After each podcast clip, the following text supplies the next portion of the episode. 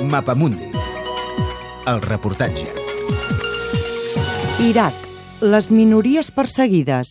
L'Iraq és un mosaic degut a la seva història. Vull dir, estem parlant de l'antiga Mesopotàmia, on va començar tot. Pius així, filòleg eh, i restaurador. L'Iraq la convivència era totalment harmoniosa entre les diferents ètnies o grups religiosos. Era una cosa del govern iraquià, del dictador iraquià. I a partir de la invasió de l'Iraq del 2003 és quan realment comença. Els cristians tenien les seves esglésies, el seu bisbe... Dolors Bramont, arabista, professora d'Estudis Àrabs i Islàmics de la Universitat de Barcelona. No hi havia eh, problemes com hi ha ara. Insisteixo, eh, la, la intervenció occidental és qui ho ha eh, posat eh, al dia. Mosaic de civilitzacions. Tot i que no hi ha un cens actualitzat, es calcula que més del 85% dels més de 30 milions d'iraquians són àrabs musulmans, entre els quals hi ha una majoria xiita i una minoria sunnita. Però a l'Iraq també hi ha minories que poden ser religioses o ètniques o culturals, kurds, turcomans, cristians i jesidites, conceptes que se solapen en una divisió de vegades poc clara. L'avenç de l'estat islàmic a l'Iraq està provocant la fugida de milers de jesidites i cristians del nord del país.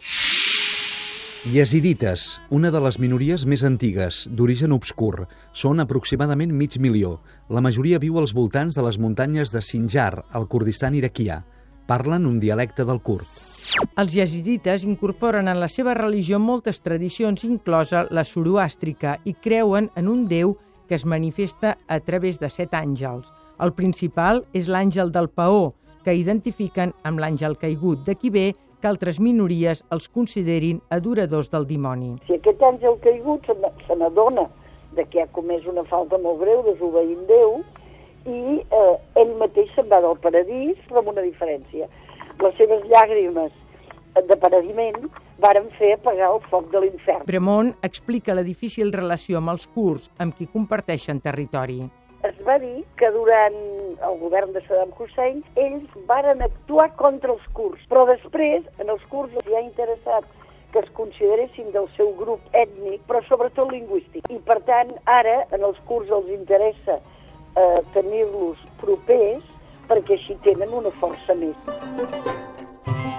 Els cristians de l'Iraq han anat disminuint a causa de les persecucions, sobretot des de la invasió nord-americana el 2003. Molts han abandonat en les últimes setmanes el Kurdistan iraquià fugint dels jihadistes. Cristians són a l'Iraq des del segle I. Van arribar a sumar un 5%, més d'un milió i mig. El seu nombre s'ha anat reduint des del 2003. Hi ha nombroses denominacions, la majoria caldeus i assiris. Pius Alibec va néixer a la població d'Ainkawa, al Kurdistan iraquià. Es defineix de tradició catòlica babilònica, parla l'arameu, la llengua dels monjos que es van establir en el territori. Eh, abans de, de, de finals del primer segle, pràcticament tot el territori iraquià eh, era cristià. Eh, tenim documents cap al, cap a, del segle XIV que hi havia més de, de 350 monestirs a l'Iraq i tenim documentació del primer monestir eh, femení en terres iraquianes. Alibec diu que quan ell era petit era impensable preguntar si els seus veïns musulmans eren xiites o sunnites i recorda la bona convivència entre les comunitats cristianes i musulmanes més enllà de la dictadura.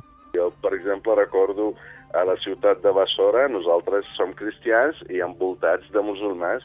Quan la meva mare feia, cuinava algun plat típic nostre, havia de, de cuinar el triple, perquè havia de repartir a tots els nostres veïns del voltant, perquè tots volien tastar el, aquell menjar que ells no feien. Els botiguers del barri, que tots eren musulmans, jo sempre he dit això, el dia 24 de desembre, que era la nit de Nadal, la, la, quan nosaltres els cristians sortíem a anar a la missa del gall, eh, tots els botiguers musulmans de, de la ciutat de Bassora obrien aquella nit perquè els seus germans cristians poden necessitar alguna cosa, no? Alguns testimonis diuen que a partir del 2003 molts cristians havien de pagar tributs per la seva protecció. Ara la situació ha empitjorat radicalment.